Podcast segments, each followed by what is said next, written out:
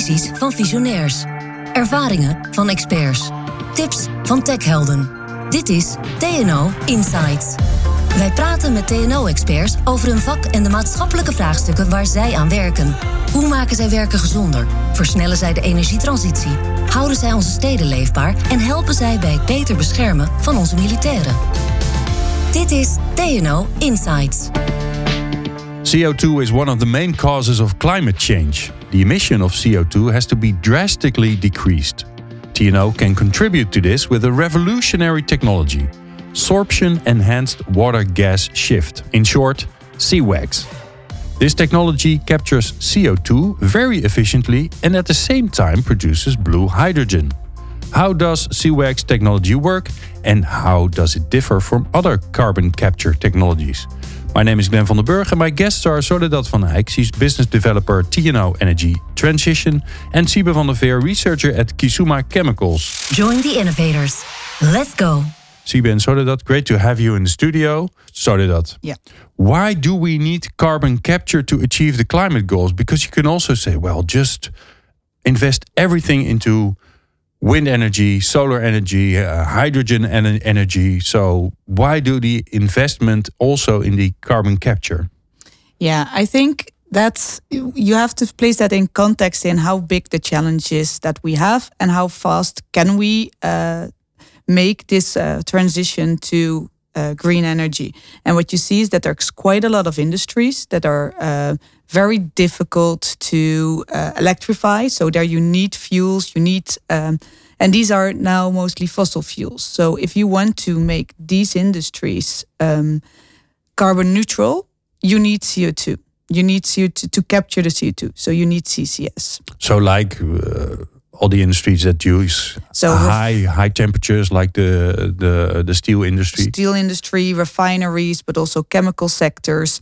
Uh, there you see, but also. Um, uh, so that's carbon capture in general, but also let's say the chemical industries, the um, burner. How do you call that? The um, waste incinerators. Oh, okay, yeah. yeah. So these types of uh, um, industries, they have a lot of CO two emissions, and uh, reducing them carbon capture is important. And do you think it, it's? Um, I mean, we, we are in the, in the midst of the energy transition, or yeah. the midst maybe we're just starting. I don't know I where, so. where, where we are, but we probably have a, we have a long time to we go. We still have a long way. To go. We to have go, a long yeah. way to go. Is it something that we that we need for the short and middle range uh, period, and maybe not for the long period? Well, you definitely need it for the short middle range uh, periods. But what you see also is that um, in the end, what we really want to do is the amount of CO2 we're emitting is now really a lot. So you would like to go what we call negative CO2 emissions. So that basically means that you even reduce the amount of CO2 that's in the atmosphere. So everything that we're emitting now and we can't capture in the future, that's what you want to take out. And a way to do that is, for instance, to combine uh, in the future processes where you use bio types of fuels. So you have your, and there you combine it with CCS. Uh-huh. And if you would then store this CO2 under the ground, what you do is that you take CO2 out of the carbon cycle. Um, so even long term for the energy transition and really for reaching the climate goals, CCS will play a role uh, for many, many years to come. Okay, so, and and one of the new technologies that TNO has developed is the SEWGS technology. So that's S E W G S. Yes. And from now on, we just call it SEWGS. how, how, does it work? To, the start of that. Okay. The idea is that um, in a so in industry you have what they call synthetic gas. So that's a syngas and in a lot of industries you have that and that's a gas that is still containing energy. So it's a mix of carbon monoxide hydrogen co2 and some other uh, materials. And in industry the water gas shift reaction is a chemical reaction where uh, carbon monoxide and water react together to co2 and hydrogen and what we did with the SEWGS technology is that we uh, combined this reaction with simultaneously taking the CO2 out of the reaction, which has two benefits. You take okay, so so the the um, the process that you describe is already there. It's already used within the within the industry. So the basis, so this water gas shift industry uh, uh, reaction is a very well known reaction. Yeah, But the way we do it, it is new. So it is so so industry no really easily gets the principle, but it's not the same that it's just an adjustment. It's really a new way of doing it. Because where in the reactor the CO2 is captured, and normally water gas shift reaction is an equilibrium reaction, which means that you will never make uh, uh, you will never transform all your CO and water to CO2 and hydrogen. But in this case, it does because you take the CO2 out, and nature likes to be in an in a equilibrium. So the reaction goes completely to producing the hydrogen, and your CO2 is captured on a material, uh, which is a hydrotalcite-like material, uh, so a clay-like material, and when the CO2 is captured on this material in another um, so it is multiple columns. I should have told that.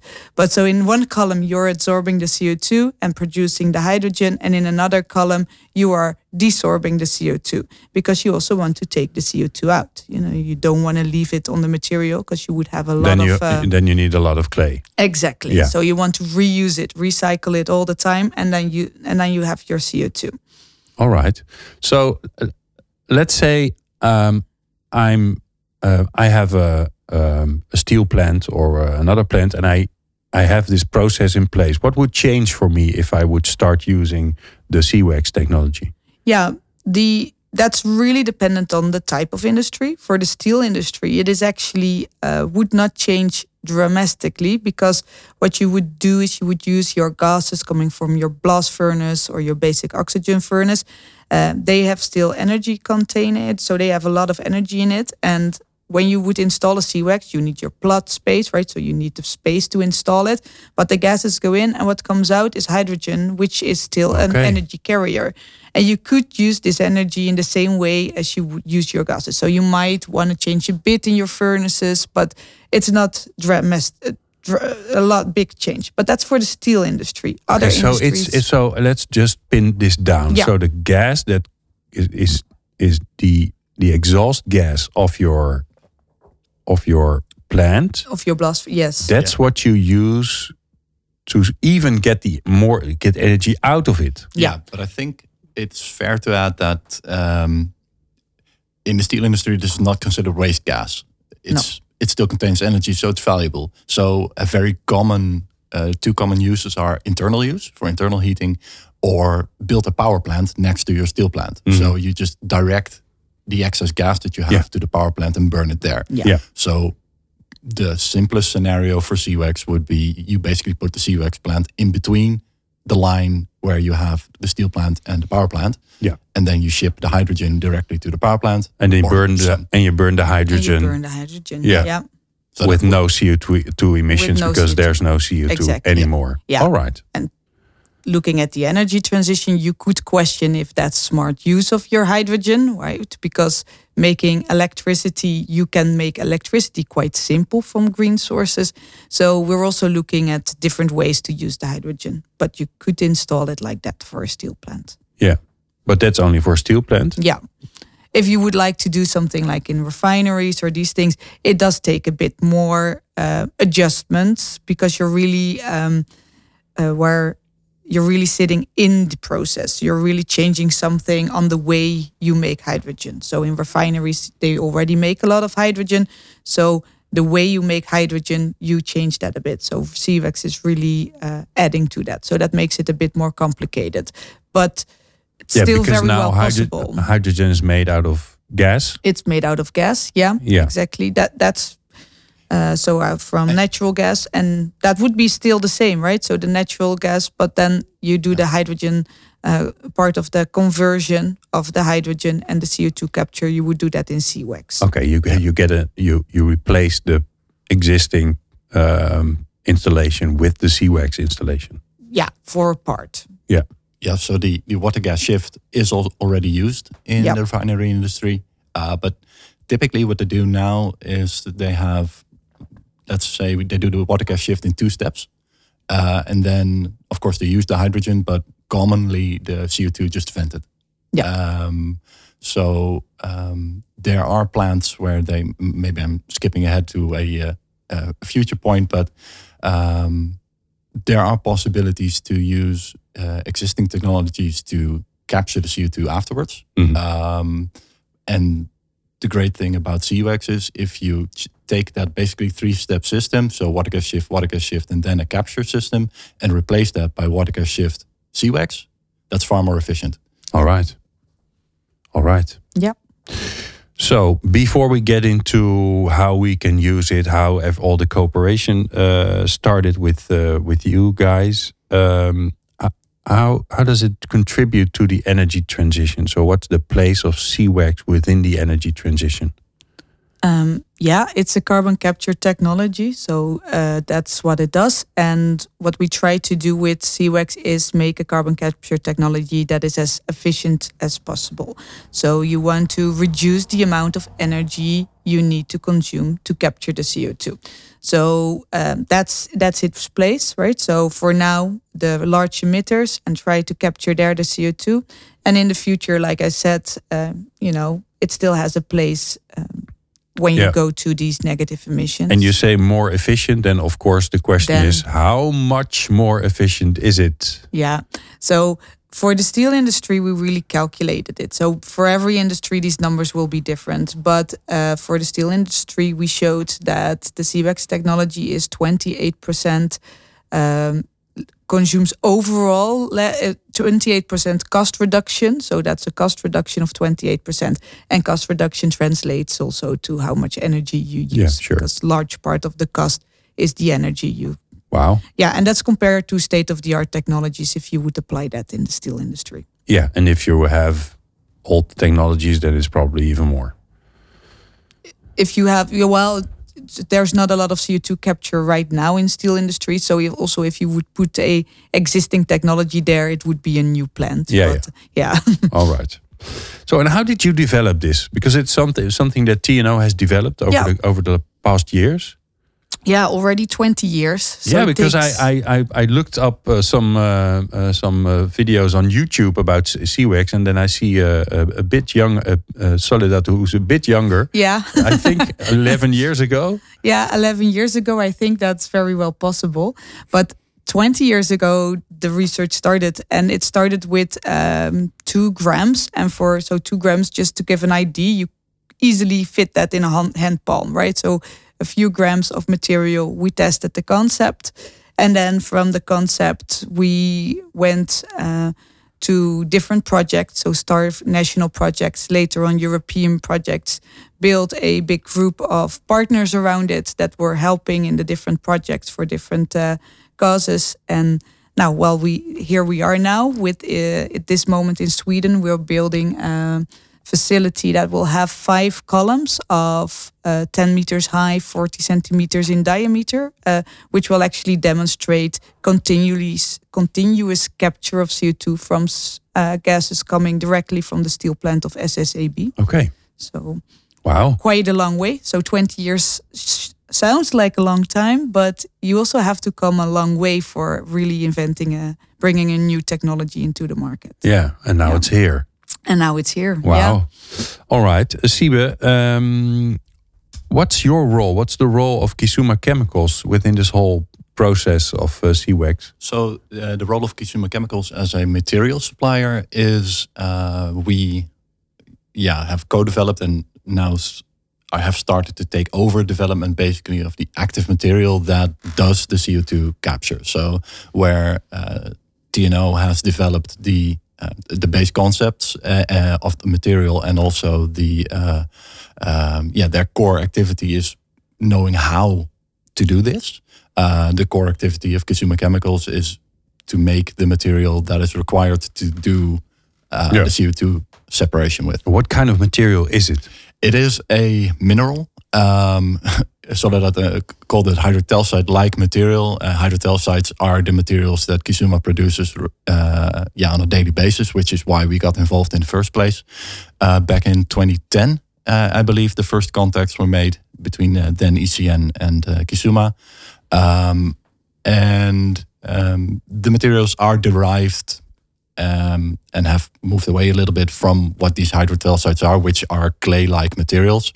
Uh, but the material that, yeah, I would describe it at the moment as a, a a, mineral, a mineral species, a poorly defined mineral species, um, but uh, with great functionality. Um, and it consists of magnesium, aluminium, and potassium. Okay. So, and how how did the cooperation between Kisuma and um, and TNO start?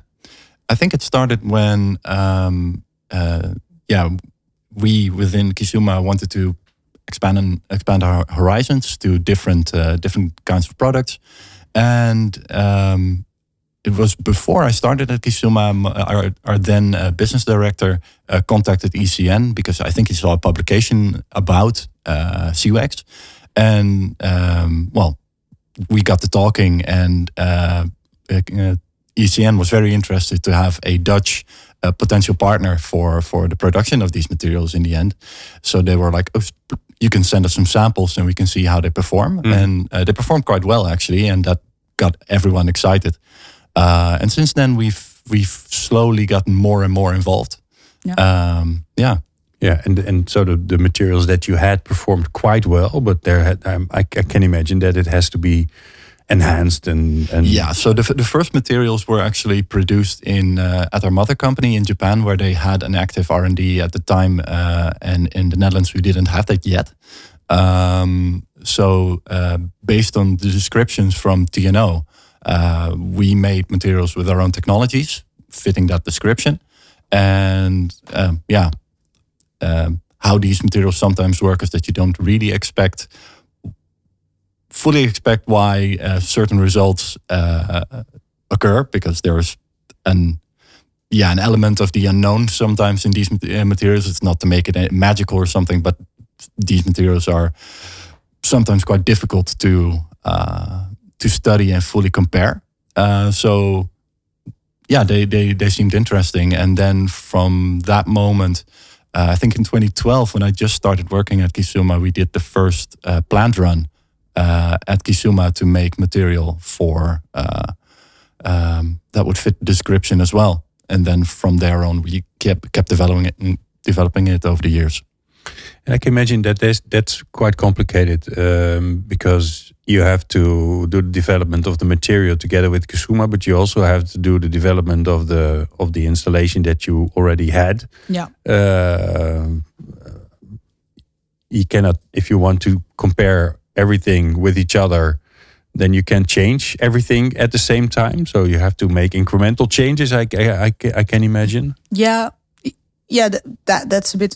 I think how it worked at the moment that we really started, you know, do, doing this um, this step up, right? Because I think it was a step up when you go from labs that you know made in the lab itself to that you have a professional company doing it. We had a lot of European projects, and in these European projects, there was a lot of room to do these types of experiments because you on one hand indeed have changes in your material so you're testing you can test that on a small scale, but you also fix some things. So at a certain point, you fix a certain material you will use for your large tests, and then you will use that material. Uh, so you can do a lot of things at the same time. We don't have just one installation; we have multiple installations at TNO, so we can do small batches and test, you know, differences there while we test the product that you fixed for. Mm -hmm. That purpose, that goal, you fix a material and you do the tests on yeah. it. And is it now finished then, no. Siebe? No. no. it, it can still be, you still th think that it can be, that the material can be improved. Yeah, I, I'm quite positive that, uh, at least hopeful that we, we can. I mean, it's good enough already, but um, the CO2, especially here with capturing CO2, um, it's always a cost. So uh, if you can make it uh, better by making it uh, if you can make the CO2 capture cheaper by making the material better, that's always a plus. Uh, I mean, not only for potential customers and, and, and society, but also for us to keep a competitive edge. Mm.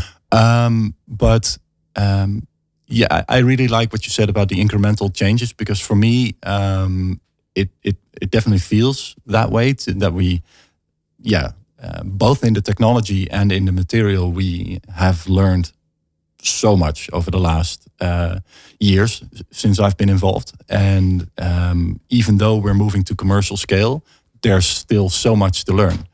But it's I think that's what I like about SEWGS is it's already proven to be good enough to be implemented, but there's still room enough left for for for improvement. Yeah, and I can imagine also that uh, I mean CO2 prices are going up. Yeah. Thank thanks for that because I mean that will probably solve a lot of problems that we have in the economic system. So if you guys um, with all your studies and all your uh, technology ma- make the price of capturing the CO2 go down, well, then it's very interesting. Yeah, and that's what we're indeed trying to show, right? So that's all the what we're trying to do in the different projects is to really demonstrate that it is efficient enough that it that you get a business case because you know you want to of course um, the drive for climate change is very important uh, also within industry to make the changes. But you also basically need to be able as a company to make money because that's your existence right? So the business case Yeah. of co2 capture is very important. And yeah the co2 tax really helps with that. So um, i think that's a very and, and that it's rising you see that it's also you know getting more attention for the projects we're doing you so you see that it's working so the tax works Wow. Yeah, but I think for companies that is actually one of the challenges in this uh, in the entire energy transition. But for CCS, um, um, because you don't only rely on the market, but the market also re- heavily relies on policy, um, and not only national policy but international policy. It is a, v- a very uncertain uh, market. So for us as well, we from the moment we started uh, with this project, it felt like uh for us this could be, um, uh, yeah, this could be the big thing.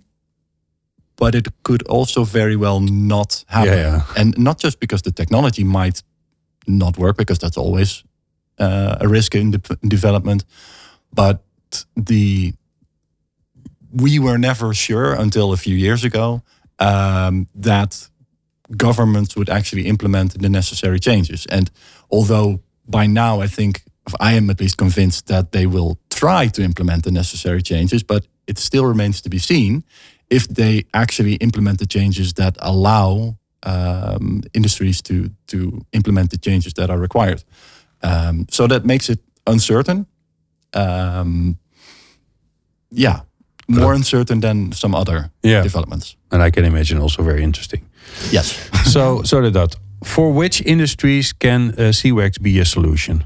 Oh yeah, numerous. So like uh, so I think I'll I'll mention them. So the steel industry for sure. Yeah. You have refineries, but like I said, chemical sectors making methanol, making ammonia, all these industries you can use SEWGS. Also everywhere where you do uh, so biomass kind of gasification options. So where you try to make energy or fuels out of biomass, uh, sustainable biomass. There you can also integrate SEWGS. So there's a lot and of then with the biomass, you get the That's negative. the negative emissions. Yeah, yeah. Yes, Oh, wow. for sure. Cool. And I think you shouldn't forget the original purpose, of course. Oh, of course, the original purpose. Yeah, Uh, power plants. power plants. Either coal or gas-based power Yeah. plants. Yeah, It- you're absolutely right. You I know, mean, it's probably it's not likely, at least in Europe, that it will be implemented that way. But I, in in other uh, regions of the world, I don't see it as an impossibility. no, you're absolutely right. Because originally it was developed as a technology to capture the CO2 from the coal-fired uh, power plants that we have in the Netherlands, but um, logically, I would say the decision was made in the Netherlands to go for Shut them down. to shut Yeah. them down, go for natural gas, and also really up the amount of renewable electricity.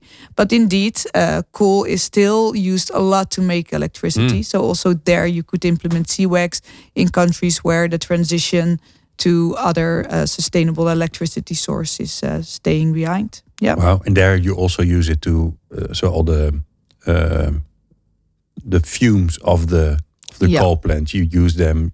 Then they first go to into the C- SEWGS installation, and then exactly. the CO two So is. you- I think yeah, what you Yeah. do is you you convert the coal or the gas to syngas, Yep.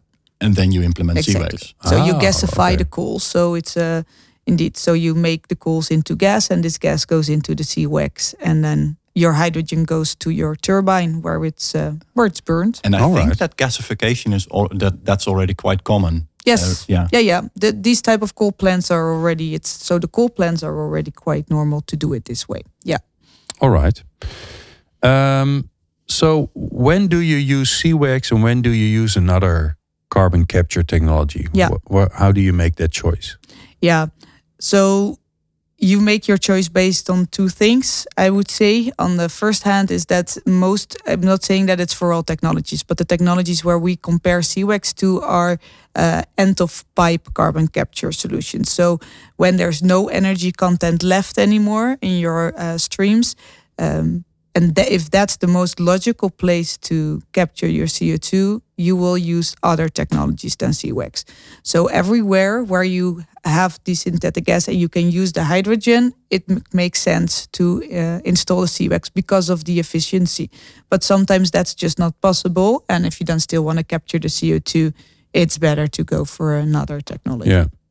Well, I I I started this podcast by saying that it's revolutionary uh, technology. Yeah.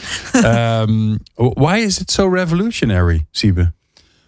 Oh, that's a good question. Um, I yeah, revolutionary. I think it, the idea uh just was very sound to use uh, to cut away a few, few steps to um, to realize this efficiency because it's it's based on very old principles. So it's not that it's fundamentally new. It's just knowing what the strength of the of the technology is. Uh, so. Um, uh, for example, the one of the benefits of SEWGS is that the, the, the gases that you often get as as feedstock, uh, so the syngases, uh, are already at high temperature or somewhat high temperature, and uh, SEWGS allows the processing of the gas at that temperature. Uh, whereas uh, some competitive technologies you require cooling down Ah. first. Which costs energy. Which- yeah, so all, Yeah. all, all Energy those is money.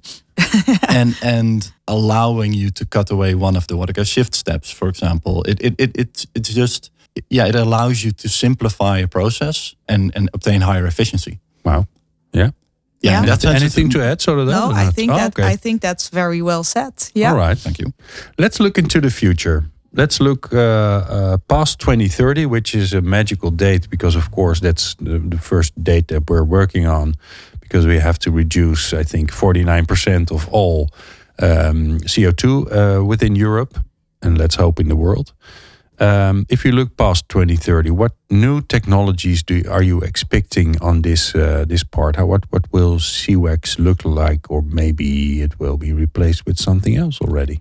Oh, I, I think SEWGS will still be here after 2030. Um, just looking where we are now, like we are ready to go commercial with the technology, but that would mean.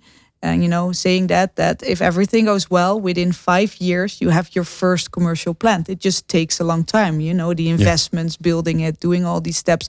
So that means in five years you would have your first plant, and um, that means that after 2030 you know you're not building this technology you're not commercializing this technology and taking these steps because you want one plant you want multiple and also for these industries that we're talking about so the steel industries etc uh, after they will find th- they will invest also in other technologies to make their plants sustainable but they have their current assets they have their current factories and these factories they also have to be CO2 neutral at a certain point. And that's where SEWGS will contribute. It will go hand in hand with the developments that these uh, industries have to make to go completely off fossil fuels. But they have t- that will take time. Yeah.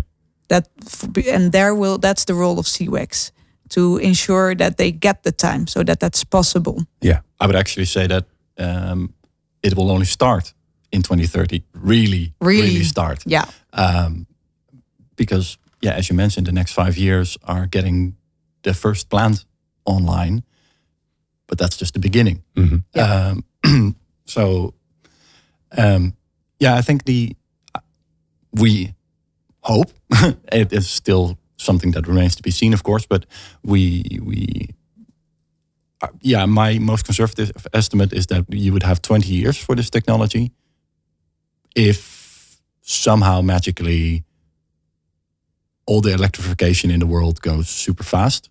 Um, and if we um, don't overshoot in CO2 uh, emissions, because what uh, Soledad already mentioned, um, yeah, ironically, I think the, the um, for SEWGS, for the uh, future use of SEWGS, it would be good if we would have an overshoot because you would require negative emission, more negative emissions in the future. Yeah. Uh, if we do our job well as a society, you won't need, or not to such an extent, see in negative emissions. So it's. We- Uh, well, let's. I'm. I'm We I- know we have to do that. yeah. Yeah. rea- I mean- realistically, you'd have to. It, it's already the reports from the IPCC already show that if you want to have this one and a half degrees, right? So we're always talking. So the two degrees that's the maximum, but one and a half would be better. Then already they say with the amount, with the speed we're going, you would need these negative emissions. Yeah. Yeah. Yeah. All right. So let's say I'm listening to this podcast so that Yeah. and I'm working in uh, refinery or uh, steel steel industry or maybe some other uh, industry and I'm it's my task to come up with a plan to make sure that our plan our plants are also CO2 CO2 neutral. What's my first step? Yeah, call TNO.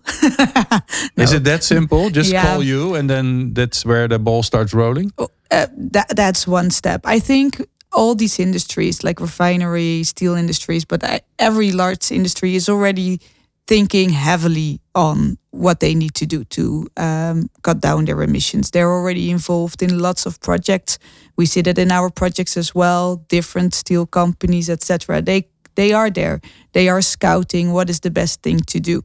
But of course, as you know, we also understand a lot of the energy transition, so it helps. But it's easily said. I think there's no uh, nobody at the steel industry or refinery who has this as a mission that um, hasn't started yet. hasn't started yet. Exactly.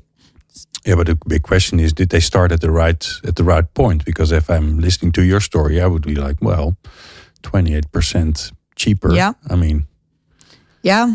It's so so I, I agree. So if you are so if you're interested in SEWGS, then I would say the best thing to do is contact TNO if you really want to know how it works and what it can mean for you. all right. Thanks a lot. You're. Although this is not an easy subject, um, you managed to uh, to make me uh, understand what it's all about. So, uh, my compliments for that. Soledad van Eijk, business developer, TNO Energy Transition, and Siebe van der Veer, researcher at Kisuma Chemicals. And if you are interested in SEWGS and want more information, you can go to tno.nl and search for SEWGS. That's S E W G S.